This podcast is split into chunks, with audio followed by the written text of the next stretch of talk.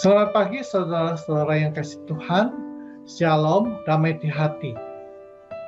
Kita baru saja bersama-sama merenungkan peristiwa Tuhan Yesus disalibkan dan mati di kayu salib.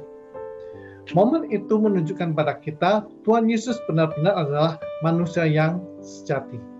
Dan kita bersama-sama merayakan kebangkitan Tuhan Yesus dari kematian. Kubur yang kosong menunjukkan pada kita bahwa Tuhan Yesus benar-benar adalah Allah yang sejati. Bagaimana peristiwa kedua peristiwa ini bisa memberikan dampak, memberikan satu uh, akibatnya yang positif di dalam kehidupan saudara dan saya.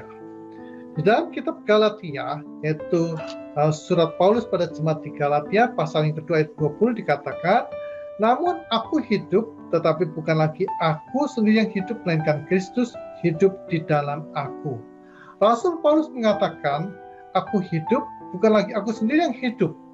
Dalam pengertian bahwa Rasul Paulus tidak ingin menyombongkan bahwa dia sebagai maha guru, tidak ingin menyombongkan kepandaiannya dalam ilmu keagamaan, melainkan Kristus. Di sini Rasul Paulus meninggikan Kristus Kristus yang hidup di dalam aku. Jadi, Rasul Paulus menunjukkan bahwa dia meninggikan Kristus, bukan dirinya lagi yang menuntun hidupnya, bukan pemikirannya, tetapi Kristus dan firman-firmannya itu yang menuntun kehidupan Rasul Paulus. Itu artinya ada kesadaran untuk hidup diperintah oleh Tuhan Yesus, hidup seturut dengan firman-firmannya. Lanjutnya di dalam kitab Galatia pasal 2 ayat 20 dan hidup yang kuhidupi sekarang di dalam daging adalah hidup oleh iman dan anak Allah yang telah mengasihi aku dan menyerahkan dirinya untuk aku. Hidupku yang sekarang kuhidupi di dalam daging artinya bahwa hidup yang hidup di dalam daging itu di mana daging yang terus menarik atau tubuh yang fana yang kita miliki di dalam dia untuk hidup di dunia ini sering kali menarik kita pada keinginan-keinginan yang berdosa. Nah, keinginan-keinginan yang berdosa yang dikarenakan ke tubuh kita itu, maka itu kita bisa matikan, kita bisa hentikan hanya dengan cara meninggikan Kristus di dalam hidup kita. Bagaimana caranya? Adalah kita mengundang Kristus untuk masuk di dalam hidup kita.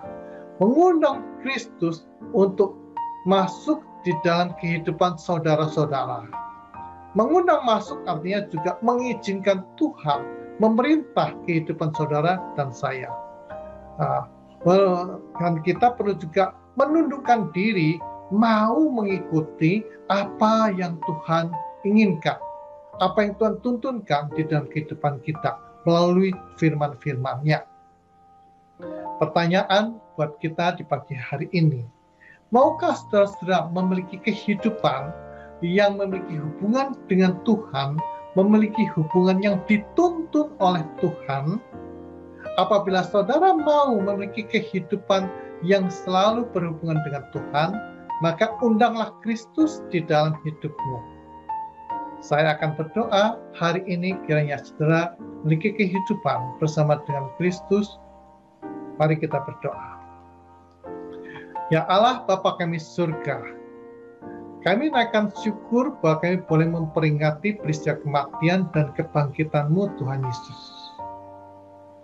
Dan biarlah peristiwa itu yang menunjukkan pada kami kemahakuasaanmu Tuhan dan penebusanmu atas dosa kami juga berlaku buat setiap kami semuanya di zaman ini.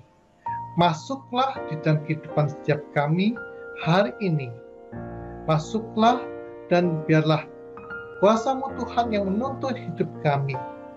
Dan biarlah kami juga mau dituntun. Berkati hidup setiap kami di hari ini di dalam nama Tuhan Yesus kami berdoa. Amin.